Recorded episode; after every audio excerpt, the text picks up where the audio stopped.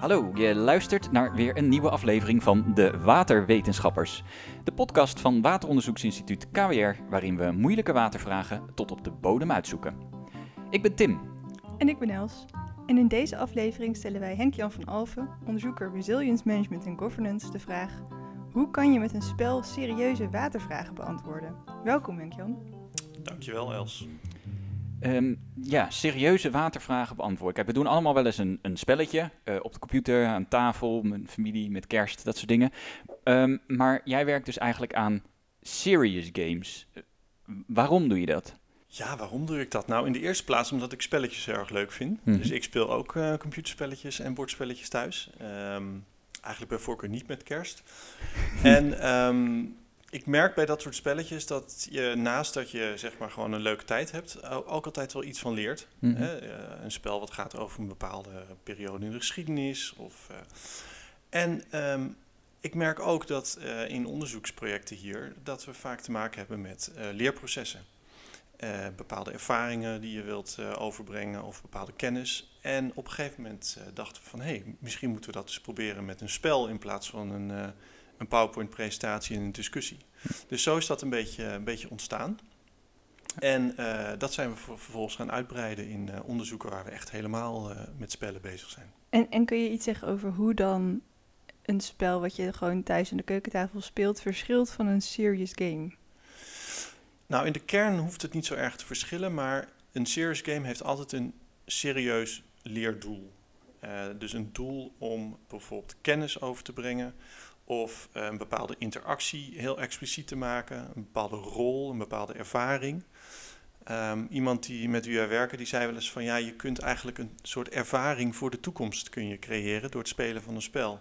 Als je in een spel een bepaalde situatie eh, tegenkomt, eh, bijvoorbeeld klimaatverandering of een bepaalde crisis, en je speelt die uit met elkaar en je komt dan later in het echt, word je geconfronteerd met die situatie, dan heb je eigenlijk al ervaring, zonder dat je het in het echt hebt meegemaakt. Ja, het is echt een soort oefening in die zin ook. Dan. Ja, dat is eigenlijk gewoon eh, oefenen voor je BHV-diploma, maar dan op watervragen. Nou ja, precies. precies. Ik weet niet of iedereen weet wat een BHV-diploma Oh, de- van de is. bedrijfshulpverlening, hoe je mensen moet reanimeren en zo. Kijk, dat, doe je ook, ja. dat is ook altijd in spelvorm. En dan zodra het een keer echt gebeurt, je hoopt natuurlijk dat het niet gebeurt, maar, Maar dan dan, weet je het ben je voorbereid. Ja. Ja. Oké, en ehm, kun je iets vertellen over... je- Ja, bent met meerdere spellen bezig, hebben we begrepen. Klopt. Kun je iets zeggen over het doel van de spellen die je nu maakt? Zeker. Ehm, het eerste spel ehm, waar we mee begonnen zijn, is eh, een spel waarbij we eh, waarbij eigenlijk de spelers een duurzame wijk kunnen ontwikkelen. Dat is eigenlijk ontstaan, dat idee, eh, toen we bezig waren in Brainport Smart District. Dat is een, eh, een project eh, in Helmond waarbij ze een nieuwe wijk aan het ontwerpen zijn. En eh, onderdeel daarvan is het ontwerpen van een duurzaam een decentraal watersysteem. En we werden daar geconfronteerd met een enorme hoeveelheid keuzeopties Mhm. ehm, voor allerlei technische systemen en ander soort interventies. En de, de projectgroep waarmee we werkten, die zag eigenlijk door de bomen het bos niet meer. En ehm, toen dachten we van, hé, hey, laten we eens kijken of we daar met een simpel spel eh, wat eh, helderheid in kunnen brengen. Dus we hebben allemaal al kaartjes gemaakt met al die eh, in technologieën erop. En we hebben een soort van huis gemaakt waar je die kaartjes dan in kan leggen. Dus allerlei toiletsoorten in het toilet en in de tuin allerlei waterbergsystemen enzovoort. En we hebben een, een kaart van de wijk gemaakt waarin we dan die verschillende huisjes neer kunnen leggen. En op die manier hebben we dus heel simpel met kaartjes en, en plattegronden hebben we een soort ontwerpspel ontwikkeld. Maar toen was de vraag van ja, eh, kunnen we nu ook eh, uitrekenen wat de effecten zijn van wat we hebben gedaan? Nou, daar Ja. hadden we ook een model voor, een computermodel. Dus dat hebben we toen later hebben we dat eh, allemaal netjes opgeschreven en uitgerekend. Alleen, ehm, ja, die stap, dat kost, zit natuurlijk Best veel tijd, tijd, tussen. ja. Dus toen dachten we, kunnen we misschien een digitaal spel ontwikkelen... waarin we tijdens het ontwerpen eigenlijk ook al zien wat de gevolgen van de ontwerpen zijn. En dat is eigenlijk dat eh, spel geworden waar, eh, waar we nu, eh, ja, wa- wat we nu zeg maar, in de eerste fase hebben afgerond. Dus dat is nu een, een online spel Dat is een online geworden. spel. Het kan door iedereen gespeeld worden. Ehm, en je kunt in het spel verschillende dingen doen. Je kunt op huisniveau zeg maar, je eigen droomhuis ontwikkelen. Maar dat droomhuis bestaat dan niet uit een, uh, uit een mooie bank en een mooie tuin, maar dat bestaat uit waterbesparende technologieën. dat is natuurlijk waar iedereen van droomt. dus je kunt uh, een, een, een, douche bouwen en een wc en een, een, andere water... water of je water opvangt op je dak of zo. Water opvangt op je dak. Nou, in al die systemen kun je kiezen en tegelijkertijd krijg je dan wat informatie over die systemen. Bijvoorbeeld hoe hoog de investeringskosten zijn als we dat, uh, als we dat weten. En uh, hoeveel energie ze gebruiken en hoeveel water, et cetera. Nou, en dan kun je zo'n huis ontwerpen. En uh, vervolgens kun je dan in de wijk gaan kijken van... oké, stel dat ik dit huis nu 30% van de wijk met dit type huis inricht... en bijvoorbeeld 70% met reguliere huizen. Wat voor effect heeft dat dan op het watergebruik van die wijk... en ook op de omliggende omgeving? Nou, dat, uh, dat spel kan dat dan allemaal heel netjes uh, voor je uitrekenen. En nou, het doel van het spel is om een zo hoog mogelijke circulariteitsscore te krijgen. Oké. Okay. Dus je hebt allemaal dingen waar je dan rekening mee moet houden. Duurzaamheid, hergebruik, et cetera. En dat spel dat laat dat allemaal precies zien hoe, dat, hoe je dat voor elkaar kunt krijgen. En dan kun je dus door van alles te proberen, kun je kijken of je die score omhoog kan krijgen.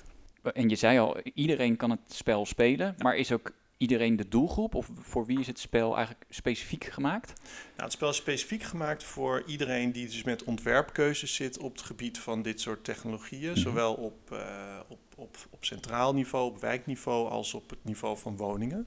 En met name ook de interactie tussen die niveaus. Hè? Dus als iemand een woning gaat, uh, daarom hebben we het ook zo gedaan dat je dus een aantal type woningen kunt inrichten en dan de, de mix op, op, uh, op wijkniveau kunt bekijken.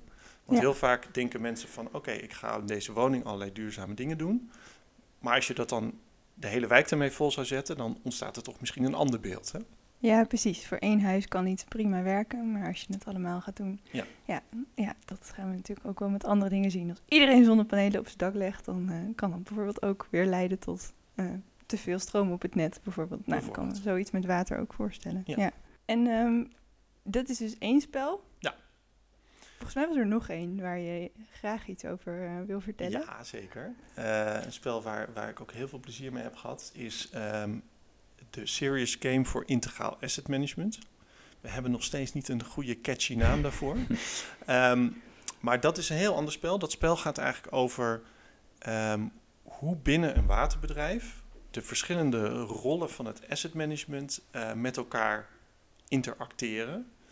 En samen tot uh, keuzes komen op het gebied van asset management. Dus dat ja, gaat bijvoorbeeld dat over... moeten we even uitleggen, ja, denk precies, ik. Dat Wat gaat is dat? bijvoorbeeld over het bouwen van nieuwe assets, hè, leidingen, drinkwaterbronnen, zuivering, okay. uh, winningen inderdaad, Winningen, distributienetten. Het gaat over allerlei keuzes die je rondom die assets kan maken. Bijvoorbeeld hoe, hoe vaak je ze onderhoudt, uh, of je ze misschien verduurzaamt. Um, dus dat soort keuzes. Maar het gaat ook over hoe je die assets uh, inzet en hoe je zeg maar, je relatie met je stakeholders uh, onderhoudt. Dus bijvoorbeeld, uh, als je heel veel onderhoud pleegt op je assets, bijvoorbeeld in stedelijk gebied, mm -hmm. dan krijg je een beetje gedoe met de gemeente. Ja, en Want, de bewoners, hè, die denken, ja, moet de straat nou weer open? Bijvoorbeeld. Hè? En als je heel veel winningen, winningen opent, of je, je capaciteit van die winningen voortdurend maximaal gebruikt, dan krijg je misschien te maken met droogteproblematiek in de omgeving. Ja. Dus zo zijn er allerlei keuzes rondom uh, die assets. En je krijgt ook te maken met externe invloeden, hè? dus droogte zoals, noemden we al, of bodemdaling. Um, en binnen waterbedrijven heb je mensen die daar op strategisch niveau naar kijken. Dus die, kijken, die, die stellen de lange termijn doelen, die onderhouden relaties met de omgeving. En je hebt mensen die op tactisch niveau kijken. Dus die kijken heel erg van wat is de staat van de assets, uh, wat moet er op de korte termijn gebeuren. En die twee niveaus die spreken een andere taal, hebben een ander perspectief op de werkelijkheid. En uh, die denken ook op een ander hè, tijdsperspectief. Ja. En het is soms niet eenvoudig om die twee niveaus met elkaar te laten communiceren. Dus dan wordt er op strategisch niveau een bepaald doel gesteld. En dan denken ze, denkt men op tactisch niveau van ja, hoe moeten we dat nou in de praktijk brengen? En hoe verhoudt zich dat nou tot al die vraagstukken die wij op korte termijn zien? Ja, nou, precies. We hmm. hebben geprobeerd om dat in een spel uh, uh, te vatten, waarbij die twee rollen eigenlijk gescheiden van elkaar werken, maar wel de mogelijkheid hebben om te zien wat, ze, wat ze doen. Hè. Dus de- ze zien de effecten van wat eh, de een doet, de ander ziet daar de effecten van. En in het spel kunnen we een beetje spelen met hoeveel ze met elkaar kunnen communiceren. Dus eh, in het begin mogen ze helemaal niet communiceren. En na verloop van tijd mogen ze een regeltje tekst eh, naar elkaar schrijven. En op een gegeven moment dan kunnen ze echt met elkaar in gesprek. En zo zien we dan eh, wat dan de beste eh, resultaten oplevert. Dus dit, dit spel heeft echt wel duidelijk een ander doel dan, dan, dat, eh, dan het andere spel dat je net noemde. Ja, dus dit, dit doel, kijk, we hoeven, de- we hoeven al deze mensen niks te leren over, over hun assets. Hè. Daar Hm. hebben ze echt wel genoeg Daar we kennis heel van. veel kennis over. Precies. Ja. Ehm, maar we kunnen ze wel iets leren over hoe die verschillende rollen naar de werkelijkheid kijken. Dus ze leren eigenlijk meer van elkaar terwijl ze het spel spelen dan van, van ons, eh, de onderzoekers. Ja. Maar wij creëren een situatie eh, waarin zeg maar, de, de, de wrijving die, die bestaat, waarin die heel expliciet wordt gemaakt. En ondertussen laten we ze ook zien dat, eh, dat buiten zeg maar, je, wat je zelf met je assets doet, dat er ook alle externe stakeholders zijn die daar ook van alles van vinden. En nou ja, daar leren ze dan ook op eh, mee omgaan. En, en eh, dit spel, heb je dat al vaak gespeeld? We hebben het al een aantal keer eh, proef gespeeld, maar de komende maanden gaan we het bij zoveel mogelijk drinkwaterbedrijven in de praktijk spelen. Gelukkig kunnen we ook weer op locatie, dus Ja. dan gaan we het, gaan we het op locatie spelen met, met de echte asset owners en de echte asset managers. Ja, Ja. tof. Ik ben ook heel benieuwd naar de reflecties achteraf dan. Dat, Ja, eh, tot nu toe zijn die heel leuk. Ehm, we merken dat je het spel bijvoorbeeld helemaal niet hoeft af te maken. Dus eh, mensen gaan gewoon spelen en op een gegeven moment ontstaan er allerlei eh, gesprekken. En van, hé, hey, en wat, wat gebeurt hier nou? En wat ook altijd heel leuk is, is bij spellen, is dat mensen het over het algemeen ook leuk vinden. Dus er wordt over het algemeen veel gelachen tot nu toe in de, in de digitale sessies die we hebben gehad. En eh, mensen gaan ook een beetje elkaar een beetje, een beetje voor de gek houden. En, eh, dus er ontstaat een beetje af en toe wel een jolig sfeertje. Maar je merkt wel dat, dat als we dan het nagesprek hebben, dat er hele serieuze conclusies eh, worden getrokken. En eh, ja, dat er ook echt wel iets geleerd wordt in die korte tijd dat het spel wordt gespeeld. Ja, maar ik denk dat dat ook juist wel de kracht is van serious gaming. Dus dat je eigenlijk, je kan een iets andere rol aannemen dan dat je normaal zou doen eh, op de werkvloer. Omdat het spelvorm is. Precies. Eh spelvorm biedt toch een veilige omgeving. hè. Je Mhm. mag ook fouten maken, je mag iets eh, geks proberen. En ik denk ook dat het plezier wat je hebt in het spelen van het spel bijdraagt aan de leerervaring. Ehm, ik kijk nu naar mijn eigen zoontje, die is eh, 15 maanden. En die leert alles door middel van spel. Hè? Mhm. Dus eh, Ja. hij leert nu, hij krijgt nu zijn, de basis wordt gelegd voor zijn, voor zijn wiskundig inzicht, omdat hij blokjes in een bakje doet en die blokjes er weer uithaalt. En iedere keer dat hij dat doet, moet hij heel erg lachen. Dus als ik dat zo zie, denk ik van, oh ja, wij leren dus eigenlijk door te spelen. Hè? Dus dat, als we zelf leren, dan, dan doen we dat door te spelen. En op een gegeven moment gaan we dat leren formeel maken. Ja, en dan, En dan- we achter een tafeltje en een schriftje. Precies, en dan ja. wordt er in één keer niet meer gelachen. Dan is iedereen heel stil en heel serieus. En eigenlijk proberen we nu, eh, nu al die mensen volwassen zijn en aan het werk, proberen we dat, dat, dat, eh, ja, de humor en de, en de ontspanning weer terug te brengen. Omdat eh, dat, eh, ja, we geloven dat dat het leerproces positief beïnvloedt. En ik, ik ben benieuwd welke, welke rol jij eh, denkt dat dit soort serieuze spellen verder nog kunnen ja, bijdragen aan het, aan het drinkwateronderzoek. Nou, kennisoverdracht door middel van een spel is natuurlijk een, een belangrijke functie. Ja. Ehm, ervaringen opdoen in situaties die, die, die je niet in het echt kan testen. Ik denk dat we bijvoorbeeld, en dat zie je, ik denk dat de serious games volgen, denk ik, zeker in, in, in, zoals wij dat doen, volgen de, de niet-serious games. En als je nu kijkt waar de niet-serious games naartoe gaat, dan zijn het hele complexe simulaties en, eh, en heel veel virtual reality ook. Ja, dus ik denk waar. ook wel dat we op een gegeven moment ehm, spellen gaan ontwikkelen in een virtuele ruimte. Eh, misschien in situaties waarin je eh, met technologie kunt werken eh, die je nog niet hebt. Eh, maar waar je wel, wil van kijken van eh, hoe zou dit in de Hoe praktijk werken. werken? Ja. Volgens mij zijn waterbedrijven ook wel bezig met eh, augmented reality en, eh, ehm, en virtual reality. Dus ja, dan is het leuk om dat te integreren met, met een spelvorm. Maar ook ehm, eh, rollen. Dus rollen die mensen hebben in organisaties en elkaar misschien een keer wisselen van rol. Hè, dat een, eh, een, eh, eh, dat een asset owner misschien een keer de rol van asset manager speelt en omgekeerd. Dat je misschien een keer een stakeholder speelt, waar je normaal gesproken aan de andere kant van de tafel zit. Om ook een beetje besef te krijgen van ehm, wat is eigenlijk de. Hè, als je nou in het hoofd van die stakeholder kruipt, ja. Waarom, waarom wil die eigenlijk wat hij wil? Ja. En wat is eigenlijk de behoefte die achter die vraag zit die hij de hele tijd op tafel legt? Nou, dat is, eh, dat is heel leuk. Dat zijn een hoop eh, rollen en functies die die spellen kunnen spelen. Ja. En, en is er een spel wat je zelf nog heel graag zou willen maken? En waar, waar zou dat over gaan? Ja, dat is een goede vraag. Ik heb altijd een, zo'n, ik heb altijd een beetje jammer gevonden, maar dat is eigenlijk in de niet-serious games, dat er niet echt een niet-serious game is wat heel erg over water gaat. Pandemic Rising Tide? Ja, Oké, misschien. eh, ja, dat is inderdaad wel een goed voorbeeld. Nou, dan eh, hoeft dat ook niet meer. ja, nou ja, goed, nee, maar het lijkt me heel leuk om een spel te maken waarbij. eh, wat een beetje lijkt op dat Waterwise eh, Neighborhoods, hè, waarbij je die, die buurt moet ontwerpen. Maar waarbij je gewoon een heel watersysteem moet ontwerpen. En dan natuurlijk een hele waterketen. En niet alleen maar dat drinkwaterdeel, maar gewoon de hele waterketen. En met al die eh, aspecten te maken hebt, zoals. Wat gebeurt er met je bronnen? Wat doe je met je afvalwater, et cetera? En, en dat, een bordspel bedoel je nu echt? Of Nee, een, echt een fysiek... computerspel. een computerspel, oké, ja, een met, computerspel. eh, ja, dat je echt die buizen moet neerleggen en moet kiezen van eh, waar plaats ik al die eh, infrastructuur. Oh en, ja, je echt dat je hele eigen decentraal. watervoorziening gaat maken. Eigenlijk een soort SimCity, maar dan voor de watercyclus. Precies, eigenlijk in al die, in al die, eh, in al die stedenbouwspellen zit altijd water wel een beetje in. Hè? Van, dus je zet ergens een zuivering neer, dan krijg je een hele pluimvervuiling erachter. En dan moet je dan geen, moet je geen winning achter zetten, weet je wel, dat soort elementaire dingen.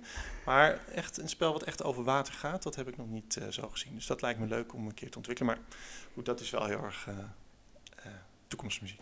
Ja, ik wil nog, nog wel iets verder in de toekomst kijken, eigenlijk met je. Dus eh, hoe, hoe denk jij dat deze ontwikkeling hè, van, van series eh, gaming ehm, ja, eigenlijk gaat, gaat doorwerken in de, in de toekomst? Of hè, misschien, eh, nou ja, de- vraag die daar ook nog weer achter ligt, als je kijkt tien jaar verder, eh, hoe heeft series gaming zich dan ontwikkeld? Ja, hebben we geen rapporten meer, maar hebben we alleen nog maar spellen. Als uitkomsten van een onderzoek of zo. Bijvoorbeeld. Nou, ik denk dat ehm, veel van de, van de vraagstukken die we, die, waar we voor staan, eh, met, al, met de transities bijvoorbeeld, eh, dat zijn zogenaamde wicked problems, Mhm. waarbij het niet duidelijk is en zeker niet constant is wat eigenlijk het probleem is. Dat het heel erg afhangt van wie je vraagt wat het probleem is. En nou, dat er nooit een eenduidige oplossing is, maar dat er altijd meerdere oplossingen zijn. Dat terwijl je met oplossingen bezig bent, het probleem van gedaante verandert. Dat je het nooit in je eentje kan doen. Nou, zijn er nog meer van dat soort eigenschappen die die problemen heel erg eh, eh, moeilijk grijpbaar maken. En waarmee je dus ook niet meer kunt zeggen van nou we doen een onderzoek en dan hebben we een uitkomst en hebben we het probleem opgelost en dan gaan we verder. Dus we moeten eigenlijk een situatie, een, een omstandigheid creëren waarin we eigenlijk voortdurend met allerlei partijen door kunnen blijven praten over die problemen en door kunnen blijven werken aan kleine stukjes oplossingen. En dan kijken hoe die oplossingen werken. En dan weer verder. En dan verandert het probleem misschien weer van gedaante, et cetera. Dus die, dat soort vraagstukken vereisen dus dat je voortdurend die interactie levendig houdt. Dat je voortdurend test, dat je met prototyping werkt. En ik denk dat eh, eh, spellen daar een hele nuttige functie in kunnen spelen.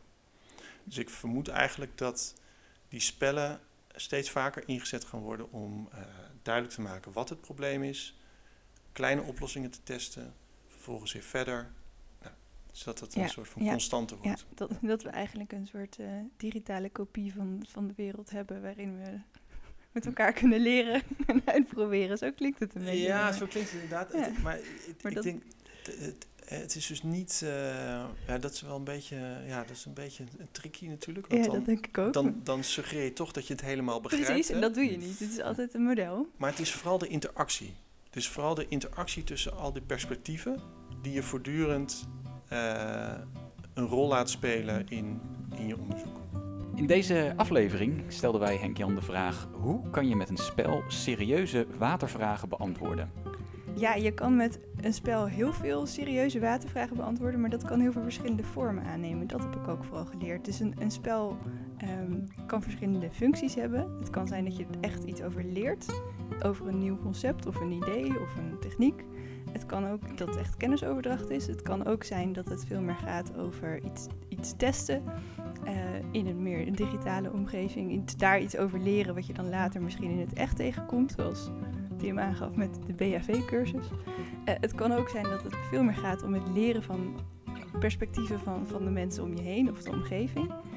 Eh, en dat het dan veel meer is van, oh ja, ja, echt je perspectief verbreden. Van een keer in iemand anders schoenen staan en daardoor ook weer anders naar je eigen eh, werkelijkheid gaan kijken. Dus dat zijn allerlei functies die die spellen kunnen hebben. En ja, daarmee kunnen ze ook serieuze watervragen helpen beantwoorden. Dankjewel voor het eh, luisteren naar de waterwetenschappers. Ga naar kwrwater.nl slash podcast om je te abonneren via jouw favoriete podcast app. En eh, heb je nou zelf een moeilijke watervraag? Stuur hem dan in via info.kwrwater.nl De volgende keer zijn we er weer met een moeilijke vraag en een slimme waterwetenschapper. Tot dan! Tot dan!